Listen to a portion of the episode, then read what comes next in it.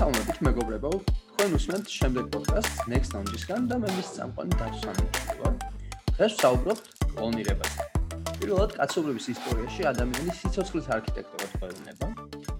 აა კლონირება არის გარკვეული ინდივიდუმის ზუსტი კვლავწარმოება. ამ მიმართულებით ყველაზე წარმატებული აღმოჩნდა ეგრეთ წოდებული ბირთვის გადატანის მეთოდი, რომლის საშუალებითაც შოტლანდიაში 1996 წელს ცხვრის სახელად დოლის კლონირება განხორციელდა. დოლის შემდეგ იყო სხვა ცხოველების კლონირებაც. თლიანობაში ამ პროცედურის გამოყენება ნებისმიერი ორგანიზმის მიმართ შეიძლება. იქნება ეს ცხოველი, ადამიანი, ბაქტერიები თუ მცენარე. დღეს კლონირება გამოიყენება როგორც მედიცინის სფეროში და სასოფლო სამეურნეო ინდუსტრიაში. ერთ სიტყვით კლონირება ბევრად მეტია, ვიდრე ამას სამეცნიერო ფანტასტიკის ფილმებში ვხედავთ. და ის მარტო ცხოველების და ადამიანების კლონირების კუთხით არ არის საინტერესო. თუ რითია საინტერესო, ამას დღეს პოდკასტში გავიგებთ. ამაში კი ჩვენი სტუმარი ანა გოფოძე დაგვეხმარება, რომელიც არის სოფლის მეურნეობის კვლევითი ცენტრის ინვიტრო ლაბორატორიის სპეციალისტი. ანა, გამარჯობა. გამარჯობა დათო. კი ბატონო. კი ბატონო.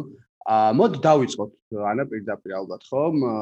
რა არის რეალურად კლონირება და როდის გაჩნდა საერთოდ ხო? იმიტომ რომ ვიცი შენგანაც ვიცი და ისეც რომ მანუ ეს ძალიან ფართო თემაა, მაგრამ აი თვითონ იდეის დონეზე საიდან დაიწყო საერთოდ ამაზე ფიქრი რა? აი იქნებოდა საინტერესო სანამ უშუალოდ მივიდოდეთ იმაზე თუ რა ხდება დღეს, ხო?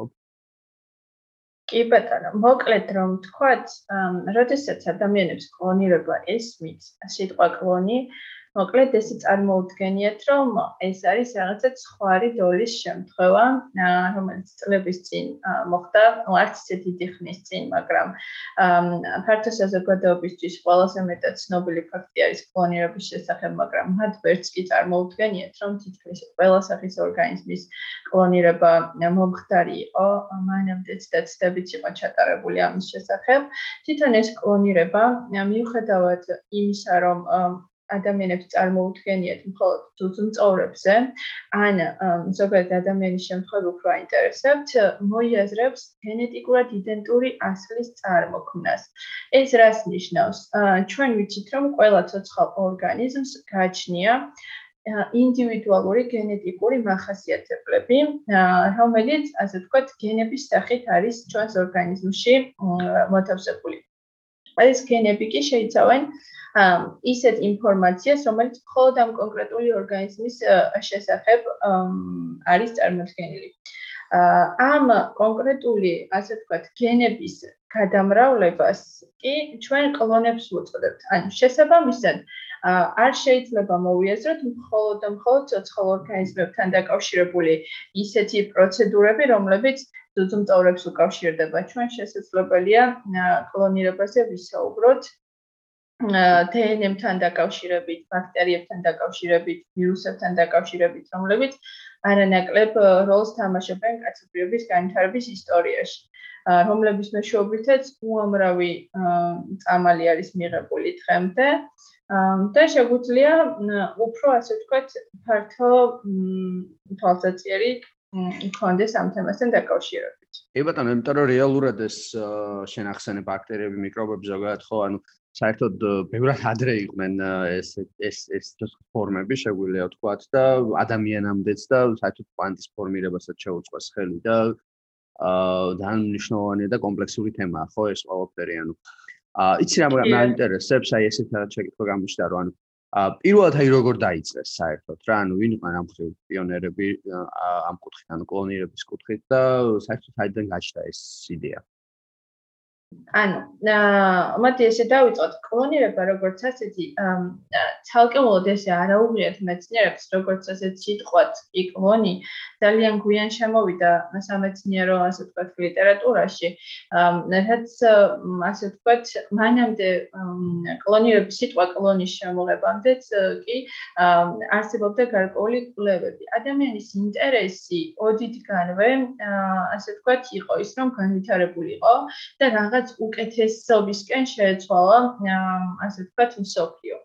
აა შესაბამისად გარკვეული შეჯვარებები არსებობდა მანამდეც და ადამიანებს იგონათ რომ სელექციას რასაც უწოდებთ თუნდაც ცხოველების შემთხვევაში ან მცენარეების შემთხვევაში სელექციური სამუშაოები ძალიან ბევრი წლის განმავლობაში მიმდინარეობდა მაგრამ რეალურად ადამიანებმა არ იცოდნენ რისკენ მიდიოდნენ რისკენ მისწრაფოდნენ მათ იცოდნენ რომ რაღაც კონკრეტული ნიშნების ასე ვთქვათ ორგანიზმებში გარკვეული ნიშნების განვითარება გაუმჯობესება უნდათ და ცდილობდნენ ამას გარკვეული სახით, მაგრამ არ იცოდნენ რა ასე ვთქვათ პროცედურებთან და პროცესებთან კონდეთ საქმე.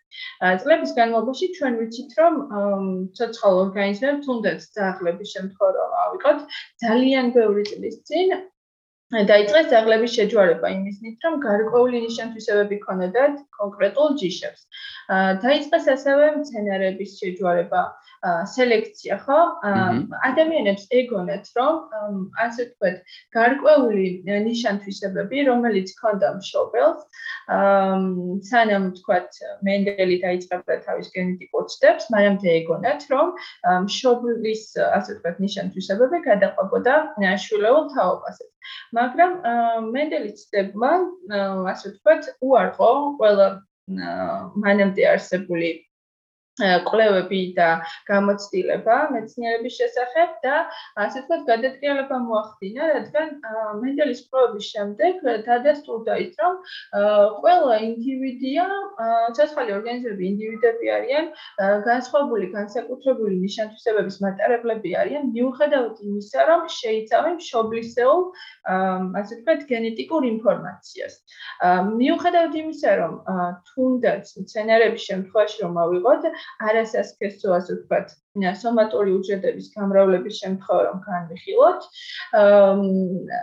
მაინც გვაქვს ეს შედეგი, რომ შობლისეული, ასე ვთქვათ, გენეტიკური ინფორმაცია სრულად იდენტურად არ არის შვილისეულ, ასე ვთქვათ, დნმ-ში წარმოდგენილი. და სწორედ ეს ფაქტები და ეს ფაქტორები განაპირობებდა შემდგომ უკვე ახალ კვლევებს იმის შესახებ, რომ როგორ მიეღოთ ზუსტად იდენტური, ასე ვთქვათ, დნმ-ის მქონე ორგანიზმები. რადგან შეუძლებელია ბუნებრივად ბუნებრივ პირობებში თუნდაც არასასქესო უჯრედების გამრავლების შემთხვევაში ზუსტად იდენტური გენეტიკური მასალის მიღება.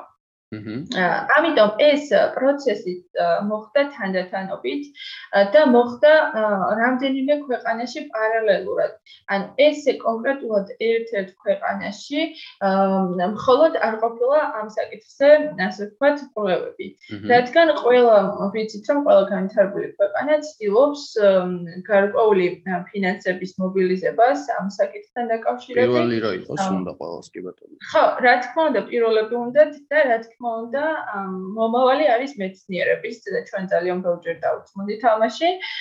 თუნდაც დღევანდელი პანდემიის შემთხვევა რომ განვიხილოთ, ზუსტად ამის მაგალითი არის, რომ ჩვენ მეცნიერების garaშე შორს ვერ წავალთ და ვერ გადავრჩებით. ამიტომ ვცდილობთ ყველა ქვეყანა რომ იყოს პირველი. რა თქმა უნდა, თავიდან როდესაც აბუდადებული იყო ეს თემები და კლონირება, ну, ცოცხალი ორგანიზმების შემთხვევაში ძალიან ბევრ ეთიკურ, ასე ვთქვათ, საკითხთან იყო დაკავშირებული და პრობლემებთან. ერიდებოდნენ ამაზე საუბარს და ჩვენ ზუსტად მაგის თქმა არ შეგვიძლია თუ როდის კონკრეტულად რომელ ქვეყანაში დაიწყო ამაზე მუშაობა. ეს ჩვენ უკვე საუბრობთ ან ცხოველებს დონეზე თუ მცენარეებსაც კი, ანუ ცენარე ცენარებზე, რა თქმა უნდა, ცენარებზე 1920 წლიდან არის დაწყებული ეს ასე ვთქვათ პროცედურები. და ეს პირველი იყო, ხო, როგორც ვიცი, ანუ პროცესი ამით დაიწყო რეალურად. აი, ცოცხალი ორგანიზმების შემთხვევაში თუ არ ჩავთვლით ჩვენ ბაქტერიებს, ბაქტერიებში ცოტა სხვანაირად არის და შეგვიძლია მაგ თემის გაშლაც, იმიტომ რომ იქ იდენტური ასე ვთქვათ გენეტიკური მასალის წარმოქმნა თავისთავადაც შეუძლიათ. და ცოტა განსხვავებული მიდგომა არის სამეცნიერო ნაწილში მათ, იმიტომ რომ განსხვავებულ საკითხებში იყენებენ ბაქტერიების შემთხვევებს და თუნდაც ვირუსების შემთხვევებს, ერთუჯრედიანებს გულისხმობ ამ შემთხვევაში. მაგრამ პირველი ასე ვთქვათ, ცოცხალ ორგანიზმებზე, რაც იყო ჩატარებული კვლევები, მცენარეებით დაიწყო, რადგან მეორად უფრო მარტივი არის მცენარეზე მუშაობა. შესაბამისად ასე ვთქვათ, მისი უჯრედის მოპოვებაც მარტივია, მისი გამრავლებაც მარტივია და ბევრად ნაკლებ დროს ძალისხმევას და ხარჯებს მოითხოვს. ხოლო ცხოველების შემთხვევაში რამდენიმე ასე ვთქვათ, მაგალითი არის სოფლიოში, რაზე შეგვიძლია ვისაუბროთ, იმიტომ რომ პარალელურად ხდებოდა სხვადასხვა ცხოველებზე, სხვადასხვა ქვეყანაში მუშაობა და არ გაამართლა. ანუ ჩვენ ვიცით მხოლოდ ის შედეგი, რაც უკვე დადგა მომავალში, პირველი დოლის შემთხვევას თუ გავიხსენებთ. მანამდე იყო ძალიან ბევრი, ხო, რომელსაც არ გაამართლა ესე. კი, კი, აი დოლის შემთხვევაში 277 ვარიანტი ცადეს და ერთ-ერთი იყო დოლი, რომელმაც გაამართლა, მაგრამ აქაც იყო ძალიან ბევრი ხარვესი და მეცნიერებს დღემდე კითხვის ნიშნის ქვეშ აქვთ აი ამ კლონირების, ასე ვთქვათ, სისტორე. ძალიან ბევრი მეცნიერს ეჭვში აქვს ამ კლონირების კი. ისე შეკითხვა გამიშდა, რომ ანუ რა იყო მთავარი პრობლემა, რის გადალახვაც უჭირდათ, ანუ ტექნიკურ დონეზე რა რა პრობლემა იყო? იგივე დოლის შემთხვევაში მეც ვიცოდი, რომ ძალიან ბევრი ცდის შემდეგ იყო და ისიც მართლა ერთდროულად ბევრი სადეს და ერთ-ერთი იყო დოლი და აი რა იყო მთავარი პრობლემა? რის გამოც არ გამოდიოდა ეს? ერთ-ერთი მთავარი პრობლემა ის არის, რომ ძუძუმწოვრებში და ზოგადად მრავალუჯრედიან ორგანიზმებში ჩვენ ვიცით, რომ დნმ კონკრეტულ უჯრედში არის, ხო, მოთავსებული და თითოეულ უჯრედში გვაქვს ჩვენ დნმ, რომელიც პასუხისმგებელია ამა თუ ორგანოზე, ამა თუ მცევაზე, ამა თუ დაავადებასთან მიმართებაში, ბრძოლის უნარიანობაზე, იმუნიტეტზე და ბევრ სხვა ფაქტორზე. არის პასუხისმგებელი ეს კონკრეტული დნმ, ანუ გენეტიკური მასალა, რომელიც წარმოიდგინეთ თითოეულ უჯრედში გვაქვს მოთავსებული. ანუ თითოეულ უჯრედში თითოეული ჩვენი გენეტიკური მასალა პასუხისმგებელია გარკვეულ ასე ვთქვათ საკითხზე ორგანიზმთან დაკავშირებით და გარემოსთან მიმართებაშიც მათ შორის. რომ ავიღოთ ერთ-ერთი უჯრედიდან ჩვენ რომელიმე უჯრედიდან გენეტიკური მასალა აა ძალიან რთული არის აი ამ ერთი უჯრედის მომართვა, ერთი უჯრედში არსებული გენეტიკური მასალის მომართვა იმისთვის რომ ჩვენ ვაწარმოოთ ისევ ახალი მთლიანი ორგანიზმი. რადგან ჩვენ ვიცით რომ რეალურად მთლიანი ორგანიზმის წარმოება, ასე ვთქვათ, შექმნა შესაძლებელია სქესობრივი გზით. რა თქმა უნდა, ძუძუმწოვრებში გულისხმობ ამას. და თუ ჩვენ ამას გავიაზრებთ და გვეცოდინება ისიც, რომ ადამიანის ორგანიზმს, ასე ვთქვათ, ორგანიზმში არსებულ უჯრედებს, ყველა უჯრედს არ შეუძლია ერთი ორგანიზმის, ერთი მთლიანი ორგანიზმის წარმოქმნა. ეს იყო ყველაზე დიდი შემაფერხებელი ფაქტორი პირველ ეტაპზე. მაგრამ მოგვიანებით გარკვეული манипуляციების შედეგად ასე ვთქვათ, გარკვეულ არეებში შეძლეს მეცნიერებმა, რომ აი ეს უჯრედები, რომლებსაც არ შეუძლიათ რეალურად მთლიანი ორგანიზმის წარმოქმნა, ძალით ხელოვნურად წარმოაქმნევინეს მთლიანი ორგანიზმი. რაც გარკვეულ ეჭვებს იწვევს ნაწილ მეცნიერებში.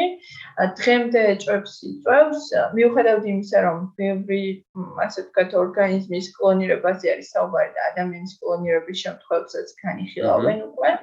მიუხედავად ამისა, მაინც ეჭვის ქვეშ არის ისევ ეს საკითხი, რადგან ძალიან რთული არის კონკრეტული, ასე ვთქვათ, თუნდაც რომ ამღოთ ხვიძლის უჯრედი, ხო?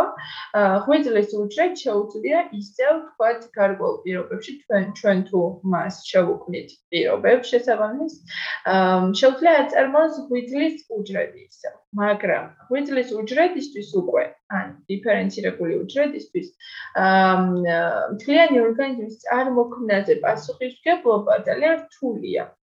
აა ამიტომ აი ეს ასე ვთქვათ დნმ-ი, აი კონკრეტული რომელიმე უჯრედიდან აღებული, აა უნდა დამუშავდეს იმგვარად, რომ ეს ასე ვთქვათ მიძინებული ინფორმაცია, რომელიც ამ დნმ-ში და მთლიანი ორგანიზმის შესახებ, აა უნდა აამუშავა. ეს იყო ყველაზე ასე ვთქვათ რთული პროცედურა.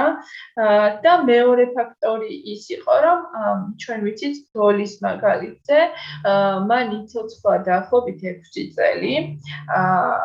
რასაც შემდგომში მეცნიერები ხსნიან იმით რომ ამ უჯრედების აღება მოხდა უკვე ზრდასრული ასე ვთქვათ ცხრის ორგანიზმის და თუ ჩვენ გადავხედავთ ცოცხალი ორგანიზმების ასე ვთქვათ ფუნქციონირების შესახებ ინფორმაციას, ვიცით რომ დაბერების პროცესი გარდაუვალია. შესაბამისად, ბერდება ჩვენი უჯრედები და ჩვენი გენეტიკური მასალა. რაც ნიშნავს იმას, რომ ჩვენს ასე ვთქვათ დნმ-ს და გენომს აძლევს ასე ვთქვათ იმ შეცდომების დაშვების უფლებას, რაც გარემოში, ასე ვთქვათ, უნდა მოხდეს ისედაც. შესაბამისად ჩვენ უკვე დოლის შემთხვევაში ავიღეთ ისეთი დნმ, რომელიც იყო გარკვეულ ასაკში. ანუ ეს პრობლემას ქნის ხო რეალურად? კი, რომელიც რომელიც მეორე პრობლემას ქნის. ანუ ერთი იყო ის, რომ უკვე დიფერენცირებული უჯრედიდან უნდა მიგვეღოს დასრული ორგანიზმი, რომელიც თითქმის წარმოუდგენელი არის დღემდეც, მიუხედავად მცირე მაგალითებისა, ეჭვის ქვეშ არის ეს საკითხი მაინც.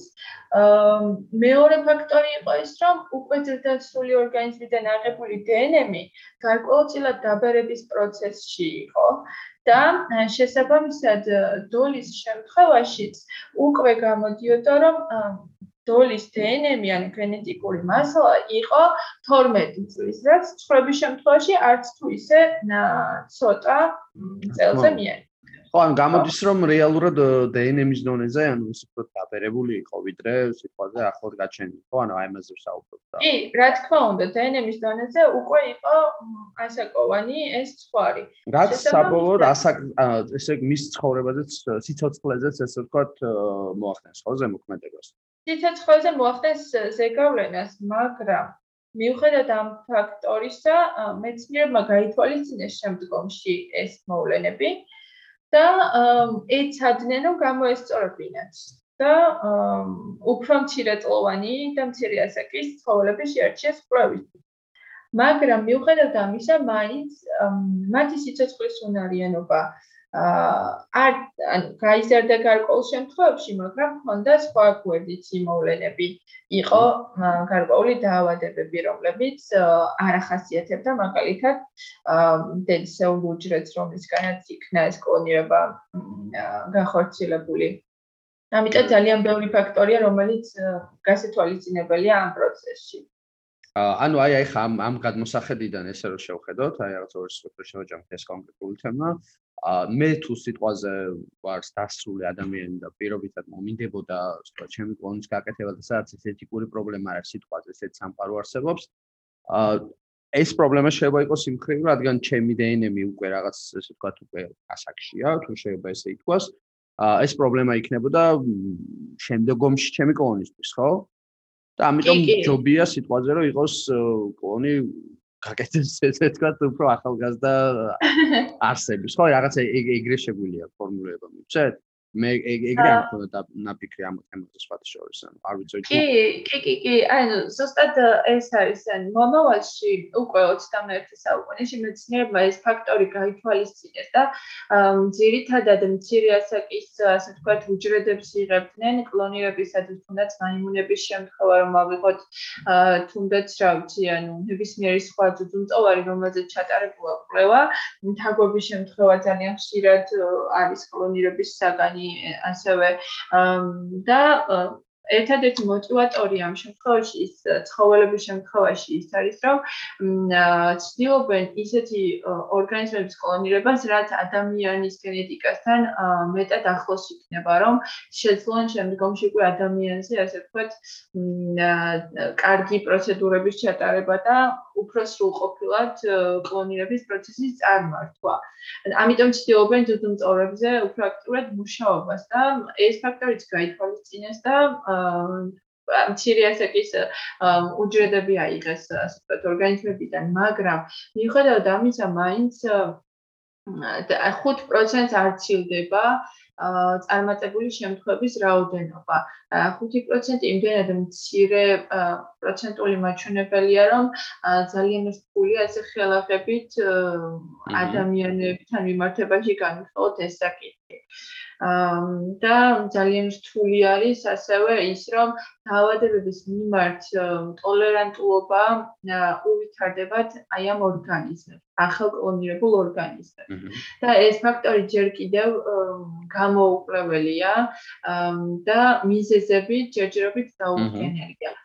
რა სად ხდება შეცდომა? ან რა პროცესი ვერ წავიდეს სწორად? კი ბატონო. ხო, ანუ ესე იგი, შეგვიძლია ალბათ ამ თემას ცოტა მე მიუბრუნდეთ, იმიტომ რომ მე გამიშდეს, ან მე არ გამიშდა უფრო სწორად შეგვიძლია სმენელს დაუჩდეს ეს შეკითხვა, რომ აა თუ დაუშვათ ეს ყველაფერი, ესე რთულია, ესეთი კომპლექსურია. ამასთან არის ესეთი დეფექტებიც, ხო? ანუ საერთოდ რა შეგვიძლია კლონირება, ხო? სინამდვილეში ამის უკან დგას და ამ ბევრი მნიშვნელოვანი საკითხი, რაც როგორც თვითონ კაცობრიობა სჭირდება, მეცნიერება სჭირდება. ხო, ანუ რა არის, რა შეგვიძლია ესე ვთქვათ, скеპტიკურად განწყობილ ადამიანებს უთხრათ, რა არის კლონირების ნამდვილი აზრი, რაში ვიყენებთ ამას დღესაც, ხო, იმიტომ რომ დღეს ხო ამას ვიყენებთ სხვადასხვა აა სხვადასხვა კუთხით, ხო, ეს არ არის რაღაც სამეცნიერო ფანტასტიკას უყვარს უბრალოდ ეს ადამიანის კლონირების თემის ტირაჟირება თორე ამის უკან რეალურად ძალიან ბევრი რაღაც საინტერესო და კაცობრიობის მნიშვნელოვანი რაღაცები დგას და აი ამაზეც რო ვისაუბროთ ამ დღეს რაში ვიყენებთ და რა რა ბენეფიტები აქვს კლონირებას და ამ ზოგადად ამ კი ბატონო, ანუ ყველაზე მთავარი ასე ვთქვათ, მნიშვნელოვანი ფაქტორი, რითიც ჩვენ კლონირება შეგვიძლია გამოვიყენოთ, ეს არის ისეთ დაავადებების მიმართ. ბრძოლა, როგორც არის სიმსივნეები, როგორც არის ალცჰაიმერი, როგორც არის მაგალითად, რა ვიცი, დიაბეტი, იმიტომ რომ ინსულინის გამომუშავება შეგვიძლია მოხდეს ესეთი ორგანიზმების მეშვეობით. და ბევრი სხვა დაავადების ასე ვთქვათ, წინააღმდეგ ბრძოლაში შემთხვევაში შეგვიძლია დავიხმაროთ კლონირებული ორგანიზმები, მაგრამ ეს იმას არ ნიშნავს, რომ აუცილებელია მოხდეს ადამიანის კლონირება. ეს უფრო ფიქრობ კანდიდატების მანით შეყრობილი მეცნიერების, ასე ვთქვათ, რაღაცა მომენტი არის, რადგან თქვენ ვიცით, რომ თუ შეგვიძლია რაღაცა გარკვეული შესაძლებლობები გვაქვს, მინდა რომ ყველას დაუმტკიცოთ, რომ მართლა შეგვიძლია ეს ყველაფერი და მართლა გამოვხდეს და რაღაცა თუ ვიცით, მე ამ ცოდნის დამტკიცებას ვცდილობ ქვეყნისთვის ან სოფლიოსთვის. და დიდი მეცნიერების, ასე ვთქვათ, პატარა ესეთი თვისება არის. მაგრამ გარდა ამისა, ამ ფაქტორისა, ჩვენ ძალიან კარგად შეგვიძლია გამოვიყენოთ კლონირებული ორგანიზმები. თუნდაც ინსულინის შემთხვევა რომ ავიღოთ, ინსულინი არის ისეთი პრეპარატი, რომელიც ასე ვთქვათ, დიაბეტიკებისთვის არის აუცილებელი გარკვეული ტიპის დიაბეტის შემთხვევაში. აა ვიცით რომ მასალა მსოფლიოში იზრდება პროცენტული მაჩვენებელი დიაბეტით დაავადებული ადამიანებისა და შესაბამისად უფრო და უფრო მეტი პრეპარატი სჭირდება ამ ადამიანებს. ამ პრეპარატის გამომუშავება, ოდესღაც, ასე ვთქვათ, სხვა ძუძუმწოვრებისგან ნებრივი გზით ხდებოდა ესე ვთქვათ, ხო? აქ და მე შეიქმნა პრობლემა, მეც ესე ვიცი. კი. პირდაპირ გზით ხდებოდა მიღება, ან ქიმიური გზით შესაძლებელია, მაგრამ პირდაპირ გზით მის მიღება ძალიან რთული გახდა, იმიტომ რომ ძალიან ბევრი ცხოველის ესე ვთქვათ გამოყენება საჭირო. და ეს ხოვლები საიდან მომიყვანათ, ხო? სადღაც უნდა გაჩნდნენ და ანუ შესაბამისად რთული არის ამ ასე ვთქვათ რაოდენობით პრეპარატის წარმოება. და ერთ-ერთი ექსპერიმენტის დროს, რომელიც შერეხია კოლიზე მიმდინარეობდა, მაშინ აღმოაჩინეს ასე ვთქვათ რეკომბინანტული ეს პლაზმიდი, რომელშიც შენდებოდა აი ეს ჩაშენებული იყო გარკვეული დნმ-ის ასე ვთქვათ ნაწილი, ფრაგმენტი და ხდებოდა ამ დნმ-ის გამრავლება შემდგომ უკვე აი ამ ბაქტერიასთან ერთად, ამ ეშერიხია კოლისთან ერთად, რომელშიც იყო ეს კონკრეტული დნმ-ის ფრაგმენტი. აა შემდგომში მეცნიერება რომ ასე ვთქვათ ნახეს, რამდენად ეფექტური იყო. ეშერიხია კოლი არის ბაქტერია, რომელიც ძალიან მარტივად მრავლდება. კოლონიების წარმოქმნა შეუძლია შესაბამის, ასე ვთქვათ, ხელსაყრელ საკვებ არეზე. და ლაბორატორიის პირობებში ჩვენ ძალიან მარტივად შეგვიძლია მისი გამრავლება. არ მოითხოვს დიდ დანახარჯებს, ასე ვთქვათ, სამეცნიერო სფეროში დიდ დანახარჯებს და რაც ასე ვთქვათ, მნიშვნელოვანი არის, ეშერიხია კოლის შეუძლია გარკვეული ცილების წარმოება. ანუ ეს ნიშნავს ეს, რომ თუ ჩვენ ამ ბაქტერიებში ერთ-ერთ ბაქტერიაში მაინც აი ამ პლაზმით მოვათავსებთ, სადაც არის ჩვენი, ასე ვთქვათ, სასურველი დნმ-ის ფრაგმენტი, რომლის გამრავლებაც გვინდა მომავალში, ასე თქვა, დიდი რაოდენობით გვინდა აი ამ დნმ-ის გამრავლება, იმისთვის რომ მე ჩვენ ვაწარმოოთ რომელიმე პრეპარატი, ამ შემთხვევაში ინსულინზეა საუბარი, ცილა შეგვიძლია ვაწარმოოთ, თუნდაც კონკრეტული, აი ამ ცილის საწარმოებლად ჩვენ გვჭირდება ეს კონკრეტული ბაქტერიები, რომ სწრაფად გამრავლოთ. ამ ბაქტერიებს უნდა შევუთხოთ ხელი. მაგრამ მთავარი პრინციპი, რაც ამ ბაქტერიების გამრავლების პროცესში გვჭირდება, ეს არის გენეტიკურად იდენტური მასალა, ხო? და შესაბამისად ეს წარმოუდგენელია კლონირების გარეშე, იმიტომ რომ უნდა მოხდეს ზუსტად იდენტური მასალის გამრავლება. თუ ჩვენ ზუსტად იდენტურ მასალას არ გავამრავლებთ, რასაც კლონირება ეწოდება, ვერ მივიღებთ ამ ასე ვთქვათ, პლაზმიდაში ჩაშენებულ ჩვენ სასურველ ფრაგმენტს შემდეგ ორგანიზმში, რომ იქიდან მე გამოყოფა მოხდეს, გათავისუფლება მოხდეს, გაწმენდა მოხდეს და მე უკვე ხდება ამის პრეპარატის სახით მიღება. ანუ აი ამ ცილის პრეპარატის სახით მიღებას გარკვეული პროცედურები სჭირდება, მაგრამ ამ პროცედურებამდე ვერ მივალთ, თუ ჩვენ ბაქტერიების კლონირებას არ მოვახდენთ. და ბაქტერიების კლონირება ზუსტად იდენტურად თუ არ მოხდება აი ამ ჩვენს ჩაშენებულ დნმ-თან ერთად, შეუძლებელია გარკვეული პრეპარატების, ესე ვთქვათ, წარმოება მომავალში. ეს არის ერთ-ერთი ბენეფიტი, რაც კლონირებას უკავშირდება ცოცხალ ორგანიზმებთან დაკავშირებით, მაგრამ მეორე ბენეფიტი კიდევ არსებობს მცენარეებთან დაკავშირებით. აჰა, ეგეც საინტერესოა, კი. კი, ჩვენ ადრეც ვისაუბრეთ ამ საკითხზე და შეგვიძლია გავშალოთ ეგ თემა, ისე რომ მცენარეები ასე ვთქვათ, არიან არასათქესო უჯრედებით გამრავლებადი ორგანიზმები. ცოცხალი ორგანიზმები არიან, მაგრამ სომატური უჯრედით მრავლდებიან და შესაბამისად მათი ასე ვთქვათ, სწრაფად გამრავლებისთვის კლონირება ერთ-ერთი ხელსაყრელი ფაქტორია. რადგან მცენარე ბუნებრივ პირობებში შესაძლოა ძალიან მარტივად დაზიანდეს და ძალიან მარტივად დაავადდეს ისეთი არასასურველი დაავადებებით, რომელიც მოსავლიანობას ხელს შეუშლის. შესაბამისად, მცენარების კლონირება შესაძლებელია ხელი შეუწყოს უხმოსავლიანობას, თუნდაც გვალვაგამძლეობას, თუნდაც ტრანსპორტირების მიმართვის გრადობას და ასე შემდეგ. ანუ სასურველი, ასე ვთქვათ, თვისებების მქონე სცენარებს შევარჩევთ და ამის შემდეგ მოხდება მათი კლონირება. ანუ ძალიან მარტივია, იმიტომ რომ ჩვენ შესაძლებელია ეს პროცესები და პროცედურები აგვერიოს გენურ ინჟინერიაში, რაც სრულად განსხვავდება კლონირებისგან. ხო, ეგაა საინტერესო ძალიან, იმიტომ რომ ბევრი აკავშირებს აი CRISPR ტექნოლოგიებს მაგალითად ამასთან და აი რამდენად კავშირში ეს და რამდენად საერთოებს მართლა გენურ ინჟინერიას და აი ამას ძალიან საინტერესოა. კი, ანუ ეს კონკრეტული ტექნოლოგია, რომელიც ახსენეთ ახლა, მხოლოდ და მხოლოდ გენურ ინჟინერიას არ უკავშირდება, შესაძლებელია კლონირების, ასე ვთქვათ, ნაწილშიც გამოვიყენოთ, მაგრამ ძალიან სახიფათოა იმ ხრივ, რომ კონკრეტული ტექნოლოგია ასე ვთქვათ, განიცდის ძალიან ბევრ მოდიფიკაციებს აი ამ პროცესში, კლონირების პროცესში, გამრავლების პროცესში და ცოტა არ იყოს არ არის, ასე ვთქვათ, განსაზღვრული ზუსტი თანმიმდევრობა. ან უკონტროლო არის ჯერჯერობით და მეცნიერებმა ჯერ ვერ მიაღწიეს იმ ასე ვთქვათ კონდიციას, რომ კონტროლირებადი გახდეს კონკრეტული ტექნოლოგია. კოლონირება განსხვავებით გენური ინჟინერიისგან არ მოიცავს გენეტიკური მასალის ცვლილებას. ჩვენ მხოლოდ ვიღებთ კონკრეტულ მასალას, რომელიც უკვე არსებობს ბუნებაში, ან კონკრეტულ რომელიმე ორგანიზმში და აი ამის გადამრავლებას ვიწყებთ. ან სხვა ორგანიზმში, ან გარკვეული ტიპის საკვებარეზე, ბუნებ ან მისთვის ბუნებრივ პირობებში. შესაბამისად, გენის რომელიმე ფრაგმენტის ცვლილება კლონირების პროცესში არ ხდება. მხოლოდ და მხოლოდ ხდება იგივე იდენტური გენეტიკური მასალის გამრავლება. ან როდესაც ჩვენ გვჭირდება დიდი რაოდენობით ეს გენეტიკური მასალა გარკვეული მიზნებით, რომელიც უკვე ვახსენეთ, თუნდაც პრეპარატების დამზადების შემთხვევაში.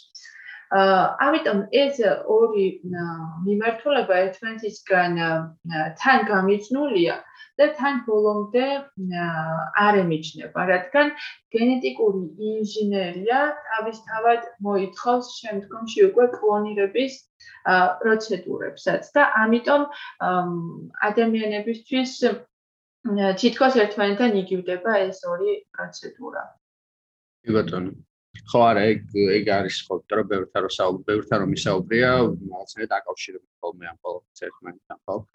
აა, ნუ აი, მონელა გადავედით იმაზე თუ აი უშუალოდ შენ საქმიანობაზე გადავიდეთ და იმიტომ რომ მე ადრე ვარ თქვენთან ლაბორატორიაში ნამყოფი და აი იმ ლაბორატორიის გულისხმობ და ანუ აი რას შვებით თქვენ მაგალითად ანუ რას აკეთებთ ანუ რა ხდება ამ ხრივ ზოგადად და თქვენი საქმიანობიდან გამომდინარე შეგვიძლია მიმოვიხილოთ ალბათ ზოგადად რა ხდება ამ ხრივ საქართველოში და მე მსოფლიოს თემას გავშალოთ აა როგორც უკვე ახსენე კი ჩვენთან სტომად იყავით და მაშინ განვიხილეთ ასე ვქოთ შედარებით მცირე დროის პარაგრაფში განხილეთ ეს საკითხი. აა მე მცენერთა ასე ვქოთ კუთხით მუშაობ ინვიტრო ლაბორატორიაში, სადაც ერთწლოვანი მრავალწლოვანი კულტურების კვლევის სამსახური არის. და ასე ვქოთ ეს სამსახური სოფლის მეურნეობის კვლევით ბაზაზე არის წარმოქმნილი. ჩვენ ამ ეტაპზე მუშაობთ მცენარეთა კლონირების მიმართულებით და ამ პერიოდში ჩვენ ხელშეკრულება გვაქვს დადებული სოფლის მეურნეობის სამინისტროს უპრესწორად ხელშეკრულება გვაქვს დადებული კარტოფილის საერთაშორისო ცენტრთან და რამდენიმე ასე ვთქვათ უცხოურ კომპანიასთან და სახელმწიფოებთან, თუნდაც იტალიასთან, საფრანგეთთან და მათ ლაბორატორიებთან აქტიური კომუნიკაცია გვაქვს, ხშირად თანამშრომლობთ და ვცდილობთ რომ ასე ვთქვათ ამ ტენდენციებს სოფლის ტენდენციებს არ ჩამოვჭეთ. ამ ეტაპზე ჩვენ გვაქვს ასე მეტი კარტოფილის კლონი. ალბათ გაინტერესებთ კარტოფილის ამდენი კლონი რაში გჭირდება და რა გვაქვს. კვლევა რატომ ტარდება საქართველოში მაინც და მაინც კარტოფილზე და არა სხვა კულტურებზე თუნდაც რომელიც ჩვენთვის ასე ვთქვათ, ადგილობრივი წარმოშობის არის და მნიშვნელოვანი შეიძლება იყოს, მაგრამ მინდა დაგამშვიდოთ და გითხრათ, რომ ამ კულტურებზეც სტარტება თუნდაც ხორბალზე, თუნდაც ვაზზე, ასე როგორც ლაბორატორიაში ვაზის კულტურას და ვაზის ჯიშებით. კი, ესაც განახილავს თქვენთან. ხო, მათ შორის ადგილობრივი ჯიშებით, რომელზეც აქტიურად მიმდინარეობს ამ ეტაპზე მუშაობა. ერთ-ერთი მთავარი მიზეზი და მიზანი უკარტოფილის შემთხვევაში არის ის, რომ კარტოფილი წარმოადგენს სოფლიოსთვის მეორე პურს და ეს იმდენად მნიშვნელოვანი კულტურა არის რომ მისი მოყვანა, მისი ასე ვთქვათ უხმოსავლიანობა ძალიან მნიშვნელოვანია მსოფლიოსთვის. შესაბამისად, ჩვენც მათ შორის დაინტერესებულები ვართ ამ კულტურით და ამ კულტურის, ასე ვთქვათ, გაჯანსაღებით, რადგან კარტოფილი არის ისეთი კულტურა, რომელიც ადვილად არის მიმღები დაავადებების და გარკვეულ, ასე ვთქვათ, ტემპერატურულ ცვლილებებსაც ნაკლებად უძლებს. ამიტომ ჩვენ დავიწყეთ ამ თემაზე კვლევა, ამ თემის დამუშავება და აი ამ 100 მეტი კლონიდან შეირჩა დაახლოებით, ну, პირველ ეტაპზე 30 კლონი, რომელიც ასევე იცდება გარკვეულ ბაზებზე საქართველოს სხვადასხვა კუთხეში და იქ ხდება ადგილობრივ, ასე ვთქვათ, ეკოლოგიაზე და ნიადაგზე მორგება. აა თუ რომელიმე კლონი ასე ვთქვათ, გაამართლებს ჩვენს ნიადაგზე, შემდეგ უკვე სხვა კუთხით მიმდინარეობს სამუშაოები. როგორ მოხდეს აი ამ სცენარების ვთქვათ, დაავადებებისგან გასუფთავება, გრადობა როგორ შენარჩუნდეს, თუნდაც ბოლო გამძლეობის მიმართ და ასევე უნდა კონდეს გარკვეული გემონური თვისებები და მახასიათებლები. აა და უნდა იყოს გარკვეული, ასე ვთქვათ, პროდუქტის შესაქმნელად.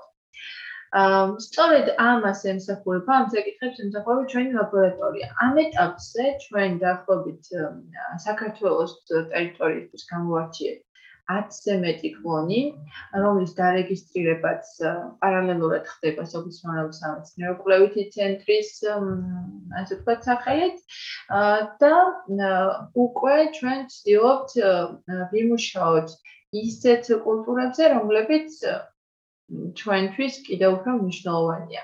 როგორც არის მაგალითად ვაზი, რადგან ვიცით რომ აა ვაზი არის ისეთი კულტურა, აა უძველესი კულტურა, რომელიც რომელიც ასე ვთქვათ, სულ იქნება ადამიანის ინტერესის სფერო.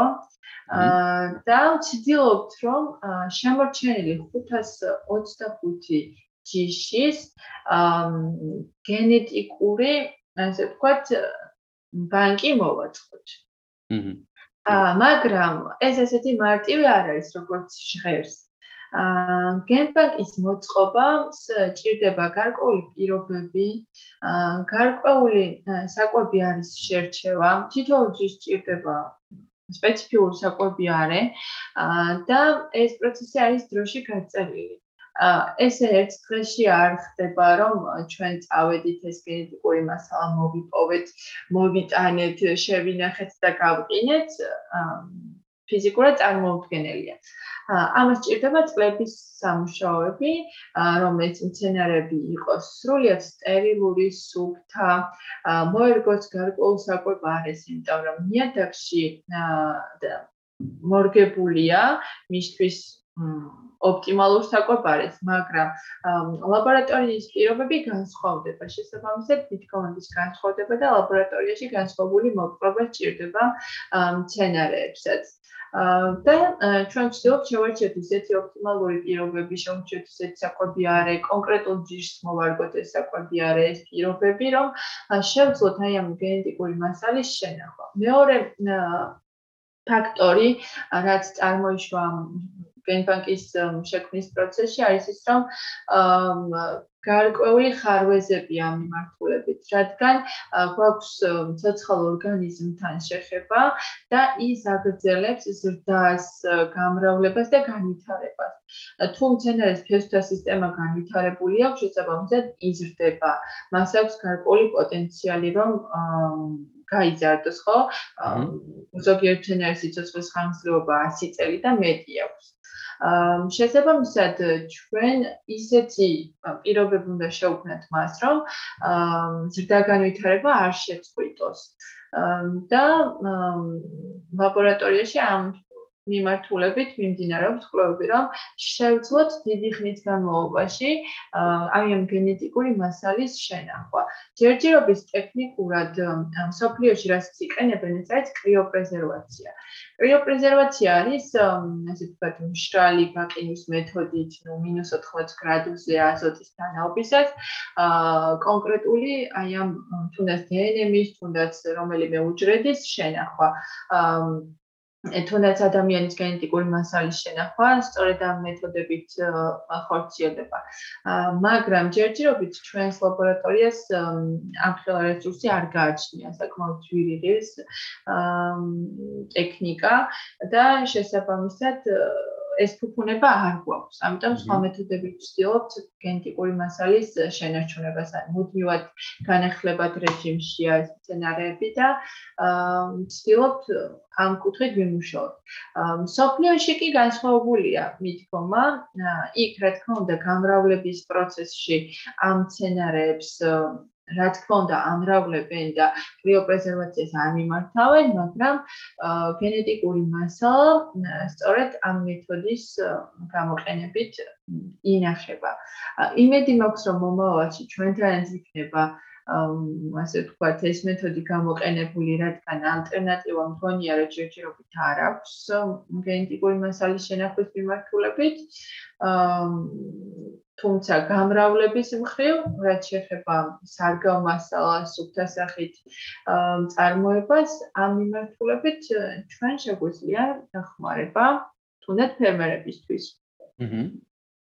ხო, შეგვიძლია ვთქვათ, რომ საკმაოდ მულტიფუნქციური რაღაცაა, ხო, ეს კომბინირება და არ არის რაღაცა ის მომენტი, ბევრს შეიძლება ისე გონია რაღაც აა აუცილებლად ახერხება ხო რაღაც ასოციირდება სიტყვაზე ვიღაცამ თავის თავის კლონი რო გააკეთოს მაგასთან ან კიდაც იგივე ეს ცხოვის ფენომენი რომ რაღაც ცხოველის უბრალოდ იდენტურის გაჩნდეს. ამას რეალოდ აპოლობს უკან რეალოდ გას სერიოზული კვლევები, რაც თვითონ მეცნიერებას და კაცობრიობას ძალიან ჭირდება, ხო? აა მე გამიჩნდა ესეთი შეკითხვა, ანუ რა, მმ ისეთ შეკითხვაა უბრალოდ რა შევა სპეკულაციურიც რაღაც დონეზე, მაგრამ ბევრს უჩდება ხოლმე ზოგადად ესეთ შეკითხვა, რომ აა აი აა დიდ შეგვიძლია თუ არა განვასხვაოთ მაგალითად კლონი ჭყალებში ორიგინალისგან, ანუ აქ საუბარი არის აა რითი შეიძლება ხო განსხვავდეს გასაგებია რომ ადამიანის შემთხვევაში და კიდე ცხოველის შემთხვევაში ა ეს ნებისმიერი ცოცხალი არსება ამასთან ერთად არის მაინც ინდივიდი და მას აქვს ცხოვრებისეული გამოცდილებები, რაც მის ხასიათს და ასე ვთქვათ, შიშებს თუ პირიქით, ანუ ვთქვათ, ამას აყალიბებს, ხო? აა აი ბიოლოგიურ დონეზე რითი რა თუ შეიძლება იყოს რამე განსხვავება, ანუ აი კლონირების შემთხვევაში. ა ბიოლოგიურ დონეზეც განსხვავება ყველა კუთხით იქნება, იმიტომ რომ ვახსენეთ ცოტა ხნის წინათ, რომ ან თუნდაც მცენარის შემთხვევაში, თუნდაც ცხოველის შემთხვევაში, კლონირება ხდება უკვე არსებული უჯრედის მეშვეობით. ანუ ის უჯრედი უკვე არსებობს, გარკვეული საფეხურები გაიარა.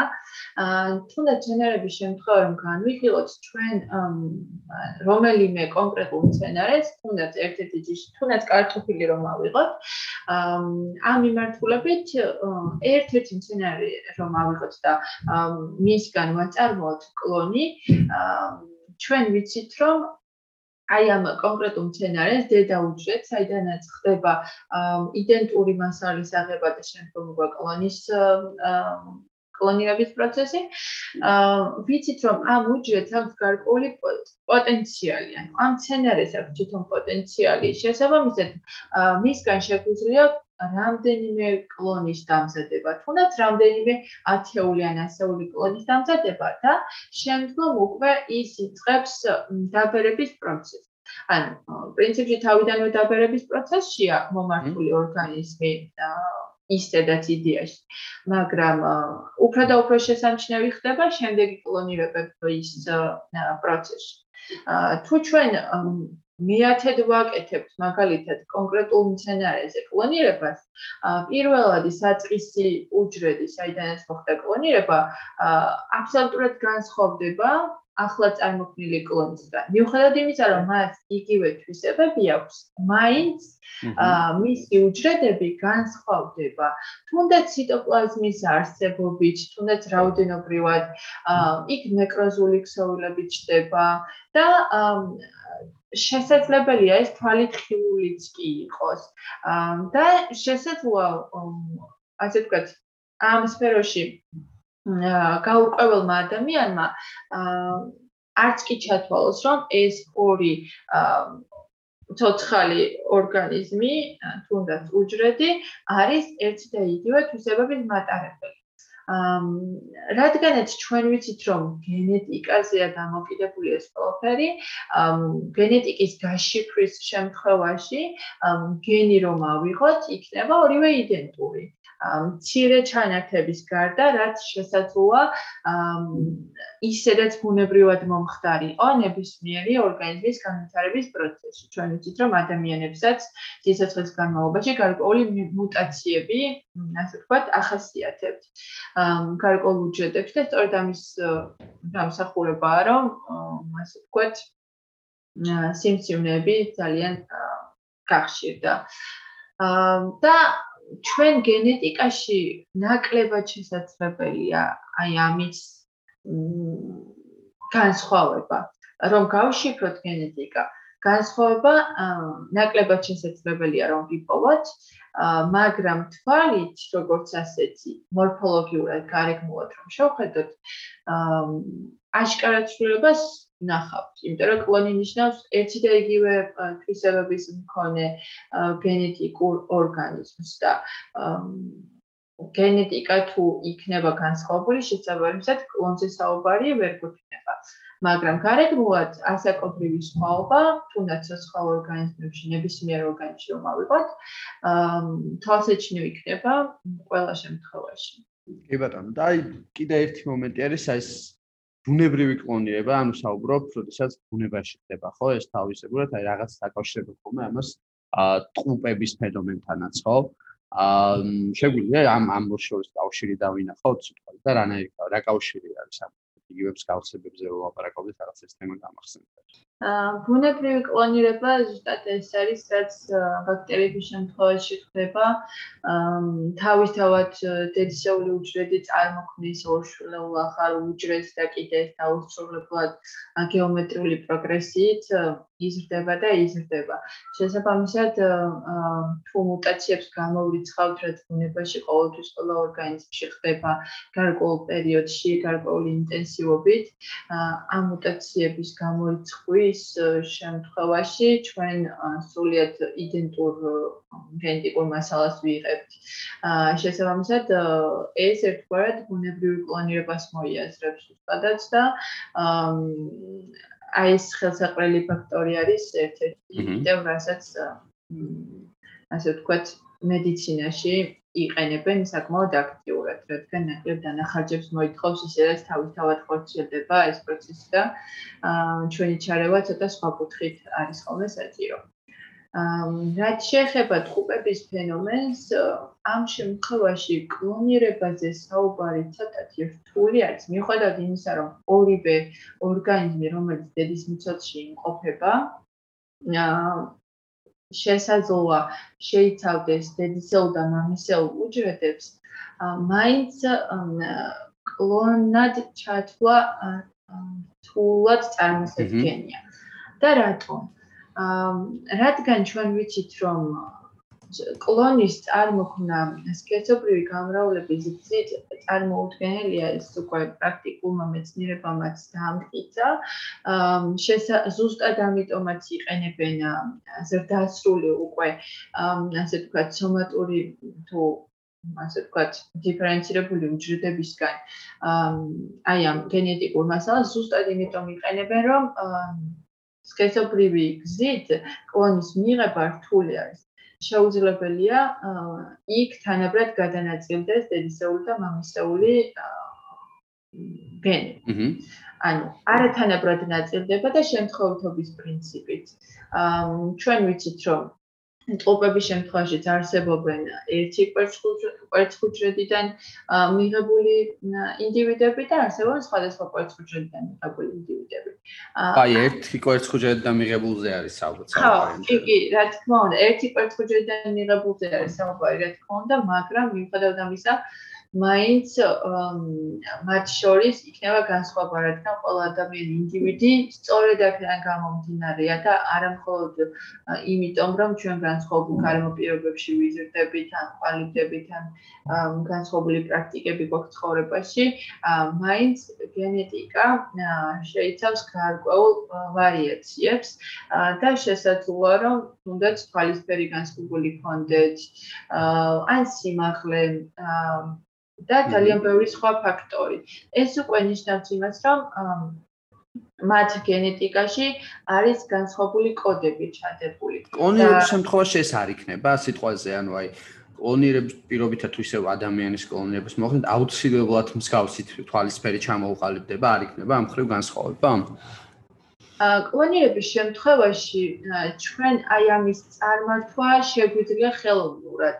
შესაძლოა ამ პროცესს ვაკვირდებით და აი ამ თუნდაც თვალისფერის განსაზღვრელ გენებს ვაკვირდებით, ვაკვირდებით თუნდაც ალცჰაიმერის განმაპირობებელ გენებს, რომელიც თავისთავად გენეტიკურია და სამომავლობას ესე ბუნებრივად გადაეცემა, ხო, შემთხვევითობების პრინციპით და ამ შემთხვევაში ჩვენ ამ პროცესებს ვაკვირდებით და შეგვიძლია ხელოვნურად კორექტივები შევიტანოთ.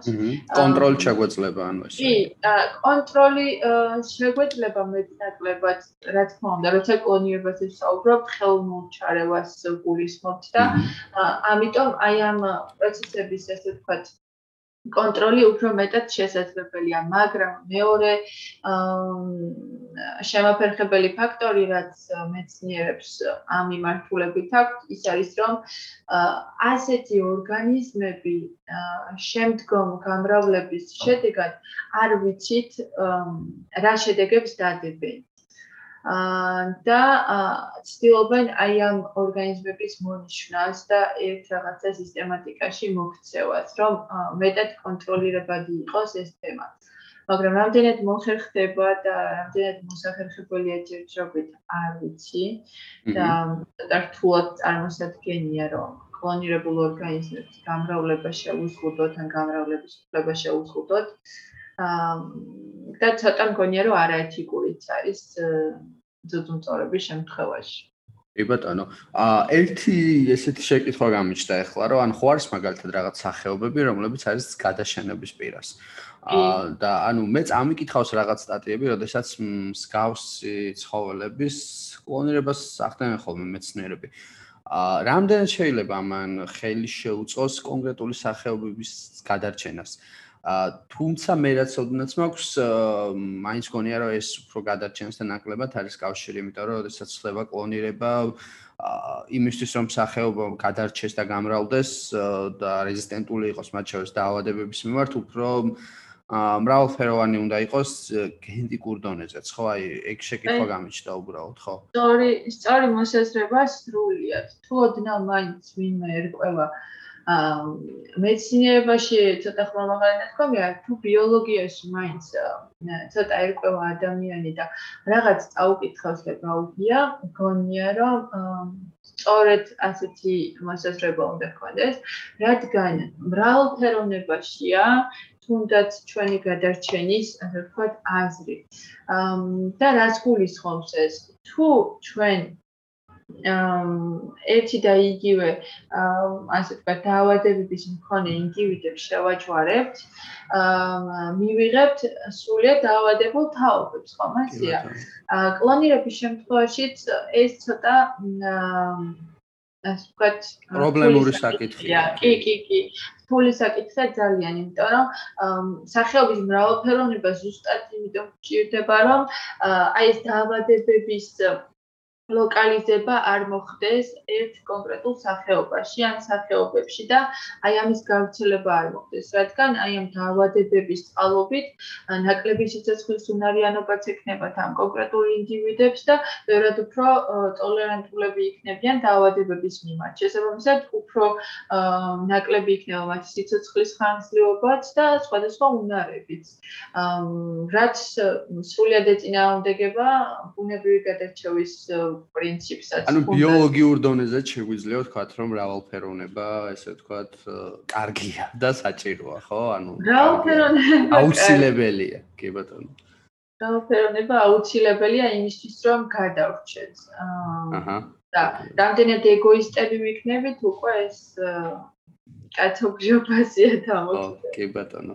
აა ალბათ შეგვიძლია დასრულისკენაც წავიდეთ და რაღაც აი ბოლოსკენ რო შევაჭამოთ დაგჭა ალბათ ის ფენომენი თუ სამომავლო დრო შევხედოთ ანუ რა პერსპექტივებია ამ ხრივ კლონირების კუთხით რა ხდება სიტყვაზე დღეს და რა არის ის რაც გვინდა რომ როგორ თქვა გვინდა რომ ესე ვთქვათ განვითარდეს ანუ რა აკლია ამ ხრივ მეცნიერებას და კიდევ ერთხელ ხას უშავ რა არის საუბარი აქ რომ გინდა თუ არა ვიღაცა ვიღაც თავის კლონი გაიგეთოს ხო აქ უფრო მეცნიერულ კუთხით და იმ კუთხით საუბრობ რაც კაცობრიობას სჭირდება ხო? ანუ აი რა ხდება ამ ხდა რას თქო ახლო მომავალში ამ ხრი პერსპექტივები რა არის? გინდა სოფლიოში კი ბეტონო ამ ყველაზე მთავარი კლონირების იდეა რაშიც მდგომარეობდა ეს არის გარკვეული ასე ვთქვათ ორგანიზმების გაჯანსაღება, გაუმჯობესება ან ფარმაცევტული კუთხით გარკვეული ნიმუშების გამოყენება, გარკვეული პრეპარატების დამზადება, რასაც ფაქტობრივად უკვე ვაკეთებთ და შეგვიძლია კიდევ სხვა პრეპარატებზეც ჩადოთ, ასე ვთქვათ, ჩავატაროთ სხვადასხვა ექსპერიმენტები და უფრო მეტი დრო დავუთმოთ აი ამ საკითხებს. მაგრამ ადამიანის ეგოიზმი ვერ ასე ვთქვათ, თავისუფლდება მიდეისგან, რომ უფრო და უფრო მაღალ საფეხურზე მდგომი ორგანიზმების კლონები, ასე ვთქვათ, აწარმოონ და ცდილობენ მაინც შეეჭიდონ იმ საკითხებს, რაც ასე ვთქვათ, ფანტასტიკის სფერო არის, რაც არ უნდა ადამიანის კლონი მიიღონ მეცნიერებმა რა იდეით უნდა გამოიყენონ ადამიანის უფლებების ასე ვთქვათ დარღვევად შეიძლება ჩაითვალოს ეს ყველაფერი. რაში შეიძლება გამოიყენოს რაში შეიძლება დაჭირდეს კაცობრიობა მჯერეს ყველაფერი არის. ერთადერთი რაც ვიცით, აა ვიცით რომ ბაქტერიების კლონები, მცენარეების კლონები, ერთუჯრედიანების კლონები ჩვენ გვჭირდება იმისთვის, რომ მივიღოთ სხვადასხვა პრეპარატები, რომ თავიდან ავიდოთ გარკვეული დაავადებები ან ვებრძოლოთ უკვე არსებულ დაავადებებს და სწორედ ამ კუთხით მეცნიერების განვითარება ჩვენ მოგცემს ძალიან დიდ ასპარეს. შეგვიძლია ასევე ამ თემების კარგად დამუშავების შედეგად გარკვეულ სიბერესთან არსებულ ფაქტორებსაც კი ვებრძოლოთ, გავიხანძროთ ციცოცხლის უნარიანობა, ან თუნდაც ვიფიქროთ იმაზე, როგორ გავხდეთ უფრო ბედნიერები. ეს არის ერთ-ერთი დადებითი ფაქტორი, რაშიც კლონირება ძალიან დიდ როლს თამაშობს სოფლიოში. საქართველოში ჯერჯერობით ვიტყვი რომ არც ისე მაღალ საფეხურზე არ ვართ ამ მიმართულებით. ბაქტერიოფაგი არსებობს და ბაქტერიოფაგის ინსტიტუტი ძალიან დიდი ხანი არის. ელიავა სახელობის ინსტიტუტზე არის საუბარი, რომელიც ამ მიმართულებით ესე ვთქვათ მუშაობს, რომლებიც ვირუსებზე მუშაობს და გარკვეული ტიპის პათოგენურ მიკრობებს ვებრძვით, აი ამ სახით. და სხვა მიმართულებით საქართველოს ნაკლებად მიმდინარეობს სამუშაოები, უფრო მსოფლიო ტენდენცია არის მიმართული ძუძუმწოვრების კვლევაზე. საქართველოში ჩვენ უკვე ვახსენეთ, რომ ცენერთა კვლევის სამსახურში მაგალითად ჩემთან სცენარებზე პლანირება მიმდინარეობს ძალიან ბევრი წელია. მაგრამ მიუხედავად ამისა, ცხოველებზე და მათ შორის ძუძუმწოვრებზე ნაკლებად სავარაუდოა, რომ ჩვენი ტექნიკური, ასე ვთქვათ, ფაზიდან გამომდინარე, უქონდეს დიდი მიღწევები. სოფლიოში კი ტენდენცია ასეთია, რომ ცდილობენ უფრო მეტად ძუძუმწოვრებზე კვლევების გაღრმავებას, უფრო მრავალფეროვანი გახდა სამეცნიერო ნამუშევრები, უფრო მეტი შედეგები დაიდო, თუნდაც აი ეს ქრჩვენი შემთხვევა იყო ბოლოს. კი, კი, კი. როდესაც ხო გადაშენებული, უკვე გადაშენებული ცხოველის კლონი გააკეთეს, სწორედ იმ მიზნით და იმ იდეით, რომ გადაშენების პირას მყოფი ცხოველების აღდგენა მოხდინათ, მაგრამ რას მოგვიტანს, რას ასიკეთო, ასე ვთქვათ, გავლენები ექნება სოფიოზე, ეს ჯერ არ არის, ეს მოსაზრებები ჯერ არ არის ჩამოყალიბებული, თუმცა ბუნებად მოყარულებისთვის და ცხოველების მოყარულებისთვის ძალიან კარგი და სასიხარულო ამბავია ალბათ. მაგრამ რთული წარმოსადგენია სხვა ცხოველების აღდგენა ან კლონირება როგორ უნდა მოხდეს, იმიტომ რომ თუ გენეტიკური მასალა არ იქნა შენახული, შესაბამისად მისი კლონით ვერ დამზადდება. ამიტომ ჩვენ ამაზე წინასწარ უნდა ვიფიქროთ და ამაზე დრო და რესურსი უნდა დავხარჯოთ, რომ ყველა ცხოველის ან თუნდაც ციტოწილში უკვე არსებული ნუსხის გენეტიკური მასალა შევადგინოთ. მაგრამ სადამდე მიგვიყვანს ეს ყველაფერი არ ვიცით. ერთადერთი თავარი პრინციპი რაც არის ადამიანების საკეთილდღეოდ, რაც დღესდღეობით კეთდება კიდეც და მომავალში სამუშაოები გაგრძელდება, სოფიო მიმართულებით მაინც საქართველოსში თუ არა, ეს არის დაავადებების სადმი ბრძოლა კლონირების საფუძველზე. რაც ერთობ ძალიან მნიშვნელოვანია კაცობრიობისთვის. კი ბატონო, და შენ ახსენ ესეთი მომენტი, რომ სადამდე მეგვიყვანსო და მე აა ცოტა მომავალში წავედი ამ წამს, ახლა რაღაც სამფუტურისტულად და ცოტა ასე ვთქვათ, სპეკულაციური ისინიც გამიშთა და შეგვიძლია მე მგონი ამის ფონზე დავასრულოთ. აა აი დაუშვათ დაუშვათ არა. ანუ შენ თქვი რომ სიტყვა ზუძუმწავრების მხრივ, ანუ სულ უფრო მეტი ექსპერიმენტი ტარდება. აა რა შეგვიძლია ამ მხრივ თქვათ, ანუ შევძლებთ არა? ოდესღაც როგორ ფიქრობ შენ? მოხდება ესე ვთქვათ ადამიანის კლონირებაც? ნუ ჩვენ ახლა 100% ვერაფერს ვერ გამოვრიცხავთ რომ სადღაც გასაინუმებულ ლაბორატორიაში რაღაც ხდებოდეს თუმცა ამას არც ერთი მეცნიერი არ ადასტურებს და დიდი ალბათობით ეს რაღაც არც მომხდარა. აი როგორ ფიქრობ? ანუ ამ ხრივ რამდენად მზად არის კიდაც საზოგადოება ანუ კიდაც კულტურულ დონეზე და მეცნიერულ დონეზე რა თქმა უნდა ტექნიკური კუთხით რამდენად მზად ვართ მოკლედ რომ გადავდგათ ესეთი შემდეგი ნაბიჯი როგორც არის ადამიანის კლონირება და მომავალში მე ეს თემა შევხედოთ ამ თემას თუ სიტყვაზე შესაძლებელი იქნება უფრო მარტივად კლონირება ა გარდა იმისა რომ აი მეცნიერება ვახსენეთ და გარდა იმისა რომ ვახსენეთ რომ აუცილებელია ერთ ყველაზე მთავარია რომ დაავადებების კუთხით ხო? ანუ დაავადებების მკურნალობის კუთხით გჭირდება ეს შესაძლებელია ვიღაცამ მაგალითად ინდივიდმა ისევ ადგეს და როგორ ვთქვა თავისი ცხოველის კლონი გააკეთოს. ანუ მოენატრა სიტყვაზე და გააკეთა თავისი ცხოველის კლონი, ხო? აი ამაზე რა ხდება? აი მაგ მოუკვდა სიტყვაზე რაღაცა ძაღლი და უნდა რომ იდენტური ძაღლი მოენატრა და აკეთა გააკეთებინებს კლონს, ხო? აი ამ ხრივ როგორ წარმოგიდგენია? აა ხა ან სამომავლოდ ძალიან რთული არის ამაზე საუბარი. ახსენე კიდეც ადამიანის კლონი ძალიან ბევრი, ასე ვთქვათ, ჭორი მსმენია სამეცნიერო დაწესებულებებისგან და ამიტის კოშა ლაბორატორიებზე ძალიან ხშირად არის საუბარი, რაც ეს თემები, ასე ვთქვათ, სააშკაროზე გამოვიდა, რაც ცხოველებზე კლონირება ნებადართული არის და ნებადართულია ძალიან ცოტა ხანია. მას შემდეგ განიხილავენ ადამიანის კლონირების შესაძლებლობასაც. თუ შესაძლებელია გარკვეული ძუძუმწოვრების კლონირება, ადამიანის კლონირებაც მათ შორის ჩემი აზრით სრულიად უპრობლემოდ შესაძლებელია მომხდარიყო. მეორე ფაქტორია ეს რამდენად წარმატებული იქნებოდა ეს კლონირება და რამდენად ასე ვთქვათ ეფექტურ შედეგს დადებდა.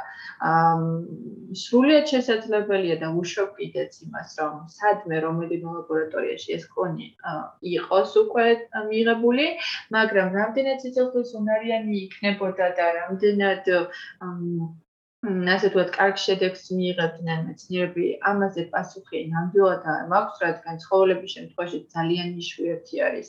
იდენტობით მაინც ვერ მივიღებთ ვერასდროს, ხო? გარკვეულ ასე ვთქვათ ორგანიზმს. იქნება სხვა ორგანიზმი კლონირებული იგივე თვისებებით, მაგრამ ადამიანის შემთხვევაში განიხილოთ, იქნება სრულიად სხვა პიროვნება, ხო? რომელსაც ქმნის არა მარტო დნმ და გენეტიკა, არამედ გარემო, მისი გამოცდილებები, მისი სულიერი სამყარო და ასე შემდეგ. შეგვიძლია ვთქვათ, რომ კლონირება არის ნიშნავანი საკითხი იმ ხრივ, რომ ეს გვჭირდება მედიცინის კუთხით, მეცნიერების კუთხით. აა და არ არის აქ საუბარი რაღაც როგორც ხდება ხოლმე დემონიზირება, რომ სხვაზე ვიღაცები რაღაც ლაბორატორიაში რაღაც მუტანტებს გამოზდიან და ასე შემდეგ, ხო? აა და კიდევ ერთი რაც მნიშვნელოვანია, ზუსტად შენც აღნიშნეს, რომ არ აქვს მნიშვნელობა შენ ადამიანის კოლონს გააკეთებ ნებისმიერ სხვა ცხოველის ის ზუსტად იდენტური არ იქნება და ეს აუცილებლად უნდა იყოს გამიჯნული ჩემი აზრით, იმიტომ რომ თეორიულად ვამბობ სიტყვაზე ვიღაცა აინშტაინს აინშტაინის კლონი რო გააკეთებინათ ოდესღაც ის რო გაიზრდებოდა შევა სულაც გამოსულიყო ფეხბურთელი სიტყვაზე ხო? ან ფეხბურთელი და საერთოდ სხვა ინტერესები გაჩნდა ცხოვრებაში. ეს არის სამნიშნულოვანი რომ ეს ესეც გამომიჩნოთ ხო?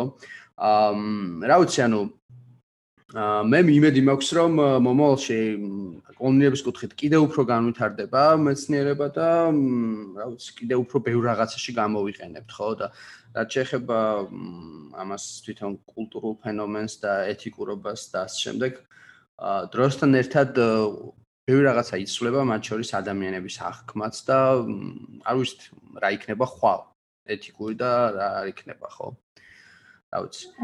უკეთესი, ხო, უკეთესი მომავლის იმედით დაგემშვიდობები ესე ვთქვა და მადლობა შენ ძალიან დიდი და მსმენელსაც დიდი მადლობა რომ მოგვისმინა. მადლობა თქვენ მოწვევისთვის და იმედი მაქვს რომ ეს ინფორმაცია რაღაცნაირად უფრო გაათვიცნობიერებს საზოგადოებას და უფრო ტოლერანტულები გავხდებით გარკვეული საკითხების მიმართ და ნაკლებად იქნება დემონიზირება თუნდაც ამ კუთხით. კი ბატონო, იმიტომ რომ ეს ეს თემა არის ან როგორც თავშივე აღნიშნეთ, ძალიან ფართო და კომპლექსური და არ მოიცავს რაღაცა ერთ კონკრეტულ მიმართულებას და რაც ყველაზე მნიშვნელოვანია, კიდევ არ ვიცით ზუსტად რამდენი ბენეფიტი შეიძლება ამას კონდეს კიდე მომავალში, ხო? კი, კი, ნამდვილად. მადლობა ძალიან დიდი. მადლობა.